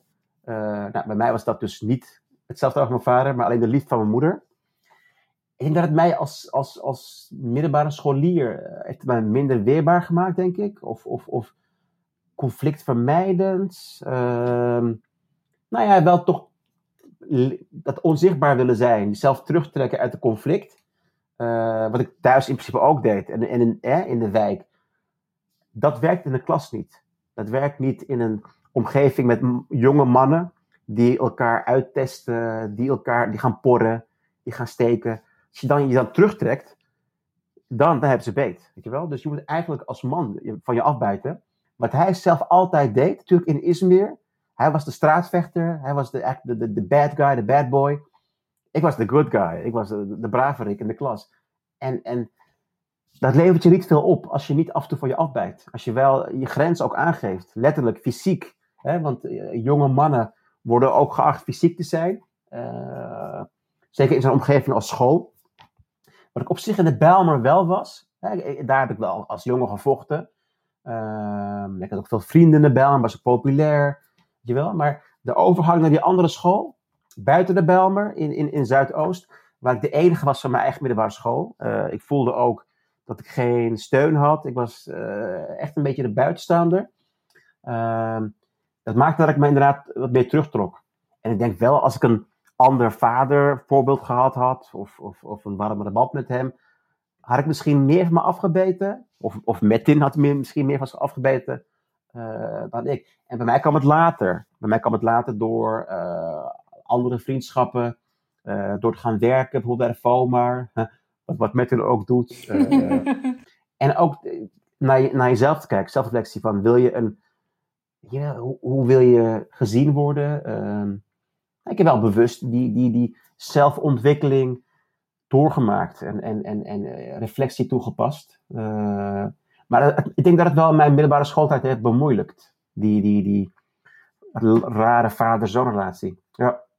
Ik heb wel, uh, als ik zo naar je kijk en naar je oeuvre tot nu toe, um, denk ik, je hebt je voorvaderen geëerd, je voorouders geëerd met verloren grond. Je bent de man die je nu bent. Uh, uh, je, hebt, je bent daarna in je autonomie gaan staan. En je hebt het verhaal van jouw leven en van jullie alle leven, hè, van, ook van je vader en van je moeder, maar en van je zus, maar vooral wat van jou was, heb jij gepakt. Mm-hmm. En zonder schroom gezegd, en nu ga ik het vertellen zoals ik hem wil vertellen. En uh, ook al doet het je pijn.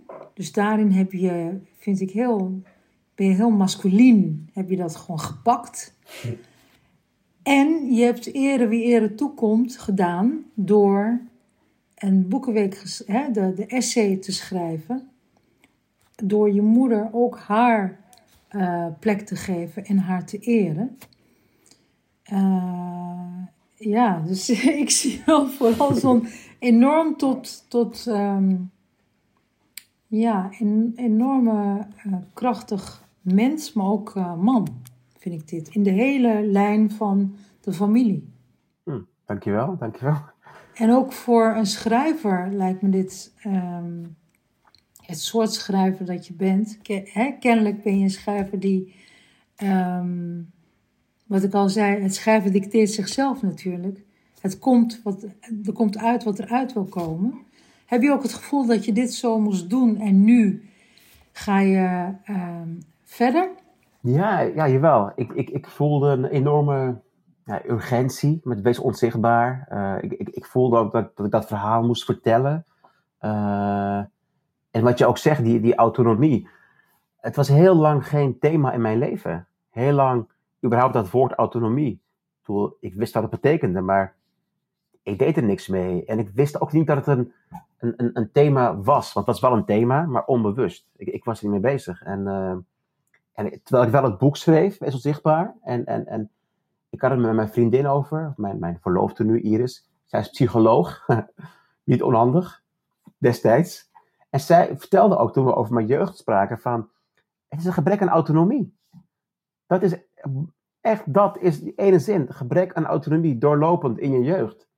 En, uh, en nu door dit boek te schrijven, ja, pak je dat terug, herover je dat. En ik, ik had het zo niet gezien, maar inderdaad, dat, dat is wel de, de autonomie die heel lang heeft uh, ontbroken, afwezig was. En ik was alleen maar bezig met het vervullen van mijn moeders dromen, mijn, mijn, mijn ouders hun wensen en, en in de pas lopen en, en wachten op instructies of wachten op, hè, doe ik het nu goed?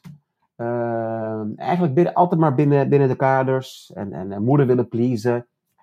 En dat heb ik helemaal losgelaten. En ik merk nu ook dat het aan de andere kant doorslaat, dat ik een beetje allergisch word voor bemoeienis van mijn moeder. Dat zie je ook in het, in het Boekenweek-essay. Dat als ze nu zegt van, hey, zou je niet dit doen? Dat ik heel erg boos word. Ik van, hey, hey, blijf daar weg. En, uh, ik weet al hoe het hoort, weet je wel. En, uh, dat, dat ja, ik ben een beetje allergisch voor geworden. Dus het is een beetje goed om een middenweg te vinden daarin. Uh, maar autonomie is, is zo belangrijk. En ook als jurist heb ik het heel lang eigenlijk een beetje weggeschoven deed ik gewoon werk waar mijn hart niet lag. 14 jaar jurist geweest. Omdat ik dacht, omdat ik dacht van, ik moet dit lot dragen. Iedereen haat zijn werk. Werk is gewoon kut. Ja, in deze kantoor, nobody likes their job. Op een gegeven moment zo'n percentage. Drie kwart van de Nederlanders haat zijn werk. Ja, ik ook. Dus het hoort zo, weet je wel. Deal with it. Maar ik wist wel, in mijn, in mijn achterhoofd, ik altijd geweten. Jij hebt, een, uh, jij hebt een way out. Jij hebt die troefkaart. Jij gaat schrijver worden. Je talent. Gaat, ja, en zet het in. En ik heb altijd ernaast geschreven. En ik heb het daar ook volgehouden. En ik wist op een dag, na boek 2, ga ik ermee stoppen. Ga ik fulltime schrijven. En al moet ik op een dag in een magazijn werken voor 5 euro per uur. Ik ga dit doen. En ook weer die vastberadenheid. Whatever it takes. Weet je wel. Ik ga er gewoon voor. En, uh, en toen ik als jurist stopte, zei ik ook tegen mezelf: You did your time. Echt, je tijd zit erop in de cel nu mag jij. Nu is het eh, alle ruimte voor de schrijver. Alle ruimte om je, om je te ontplooien en, en, en nog meer te schrijven, nog meer te doen. En dat is ook, ja, is ook die strijd geweest uh, om los te breken. Ja, je nieuwste boek, daar hoef je niet veel over te vertellen, want je bent er natuurlijk mee bezig. Je mag wel, maar het lijkt mij soms een beetje vervelend als je er nog middenin zit. Klopt, je bent er nog mee bezig? Klopt, klopt, klopt. En het is, ik kan in kort zeggen, het is een vervolg op Wezen Onzichtbaar. En het verhaal is niet af. En uh, Metin moet zich verder ontwikkelen. Precies. En hij gaat naar San Francisco, de stad die ik ken, waar ik van hou, waar ik heb gestudeerd. Metin gaat hetzelfde doen. Uh, dus het is het vervolg op Wezen Onzichtbaar. En, uh, Gaan ja. we Metin meemaken dat hij op een gegeven moment ook vader wordt, denk je? Want daar ben ik ook zo benieuwd naar. Jouw vaderschap. Ja, ja, ja goede vraag. Um, ik heb daar nog niet zo ver over nagedacht. Wat ik wel weet is dat, uh, dat ook voor hem die autonomie belangrijk is. Dat ook hij um, die ontwikkeling doormaakt in, in, in San Francisco. Voor mij was het iets. Hè, studeren in San Francisco was op dat moment de meest autonome daad die ik ooit had verricht. En ik gebruikte het woord toen niet autonomie, maar ik wist wel, dit is, dit is groot, dit is major. En dit doe ik nu, wauw. En uh, kan ik het wel, durf ik het wel, ga ik het redden daar? Ga ik het overleven in die vreemde stad, dat vreemde land, dat verre continent? En, en, en ja, dus, dus dat is. Um, hij maakt een, een ontwikkeling door daar in. Hij, hij wordt de persoon die hij misschien wilde worden, of die hij. Hij graaft zichzelf als het ware op, hè? In, in, in, in, die, in die stad, San Francisco. Uh, en er gebeurt nog veel meer natuurlijk, want ik wil dat die stad opreist uit het boek. Dat je ook het, uh, San Francisco voor je ziet met de geschiedenis, uh, Californië en, en, en de mensen die ik ook een gezicht geef, best onzichtbaar. Hè? De, de stemlozen. ik wil ook wil die, die stad laten zien. Die stad waar ik van hou. Ja, wat ik nog wilde weten. Um nou ja, we zitten nu weer allemaal thuis uh, met corona. Nu kan je lekker schrijven. Of uh, is het juist een beetje. Verandert er iets voor jou? Of, uh... Nou, je zou zeggen van niet. Je zou zeggen van: dit wil je toch? Ja, dit is mijn schrijfkamer ook. Hier zit ik de hele dag, deur dicht, op zolder en doe je ding. en toch voelt het af en toe als een cel, hè? Als, als een soort van de plek waar ik me afzonder van de rest van de wereld en, en niemand zie, behalve mijn gezin dan. Uh, wat ik wel mis is het optreden. Het land ingaan, naar Limburg, het oosten van het land. En, en Gelderland, het noorden. Mensen zien, optreden, lezers ontmoeten. Ik, ik mis het wel. dus het is wel jammer dat het niet kan. En daarom is dit zo leuk, dat we elkaar via een omweg kunnen spreken. Ehm, want ik hou er wel van om op te treden. En, en, en, ik had het niet kunnen voorstellen als tiener. Ja? Hm?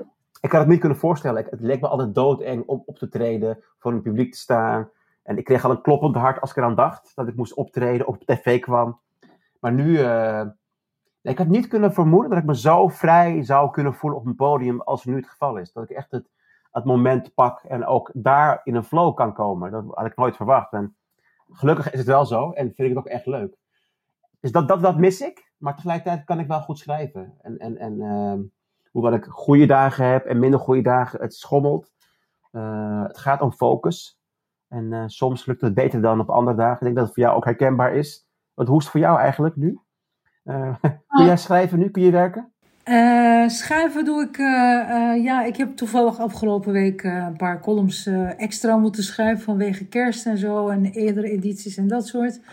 Maar het, ja, dat lukte wel. Ja, ja, ja. Ik heb weinig last, gelukkig. Maar, um, en gelukkig gaat mijn, het spelen. ik sta niet op het toneel, maar ik speel in een serie. Dus, ah, allemaal, dus dat gaat gelukkig allemaal door. Maar ik begrijp heel goed wat je bedoelt. Omdat als je vooral voor een roman moet je een lange adem hebben. Ja, Het is zo eenzaam. En, het, en die afwisseling is zo lekker. Als je gewoon over dat waar je zo van houdt in het land hè, met mensen kan praten, zoals jij zegt, met je lezers. Ja, ja. Het was ook echt een roadtrip. En vaak ging mijn redacteur daarmee, Laurens Ubbing van Amber Antos. En, en, hij reed, ik zat naast hem, waren we aan het uh, grappen, grapjes maken, broodjes aan het eten. Echt een roadtrip door Nederland. En dan kwam je ergens aan, ging je, ging je eerst eten. Het is echt een, een, een uitje. Donderdag, vaak op donderdag hè, was mijn, mijn, uitje. En anders ging de stad in met vrienden, naar, naar, restaurants. Kan ook niet meer. Dus, uh, maar het, het, is ook wel overzichtelijk. Het, het geeft ook wel structuur. Hè? En, en uh, mijn partner die die, die ontziet mij behoorlijk. Die geeft me alle ruimte om, om door de week te kunnen schrijven. Dus uh, ja, ik mag niet klagen. En uh, counting my blessings. Ja. Heb je al een titel voor je nieuwe boek? Titels. Ik heb een, ik heb een fetish voor titels. Ik vind het heel belangrijk, een goede titel. En uh, titel voor dit boek had ik, had ik vrij snel. Wees onzichtbaar. Hoewel, het, het, de werktitel was Bijlmerjaren. Dat was de werktitel. Maar het klopt veel als een soort van ja, gevangenis. Bijlmer Bias, Bijlmer Jaren. Dus dacht nee, het moet anders. En ineens wist ik het. Wees onzichtbaar. Dekt alles. Dekt de lading volledig. Eh, ik vind het nu moeilijker met dit boek over San Francisco. Dus ik heb wel een werktitel, maar uit bijgeloof wil ik het niet onthullen eigenlijk. Het is ja, toch een beetje... Het is net als met een kind, dat je zegt ja. Ja, hij staat nog niet helemaal. Dus, uh, maar ja, ik denk dat die uitkomt in uh, eh, 2022 ergens, ik hoop in het voorjaar 2022. Dus nog te... Ik denk dat er met mij een heleboel mensen met smart zitten te wachten. Uh, ik ben enorm benieuwd uh, hoe het met, uh, met hen verder gaat. En hoe hij zijn autonomie herovert. Um, ik wil je ontzettend bedanken, Murat. Murat Ishuk, onze gast van vanavond. En ik vond het enorm leuk om je te spreken. En uh, dankjewel. Ja, ik bedank Nazimir. Ik vond het echt een uh, nou ja, heel fijn gesprek. Hele goede vragen. En ik moet zeggen, na 3,5 jaar, bijna 4 jaar, nog steeds uh, nou ja, zulke originele vragen kunnen stellen. Die me, op mij aan het denken zetten. Dus ja, dank daarvoor. En het stoft op nadenken ook. Dus ja, heel fijn. Dankjewel voor het fijne gesprek. Ja, ook heel erg bedankt. Oké. Okay.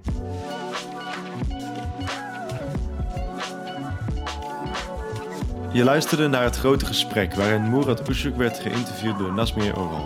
Dit programma was onderdeel van Wintertuin 2020, de alternatieve programmering die het hele najaar van 2020 wordt georganiseerd in de plaats van het Wintertuinfestival. Luister alle andere grote gesprekken en andere podcasts via je favoriete podcast-app en vind de gehele programmering op wintertuin2020.nl.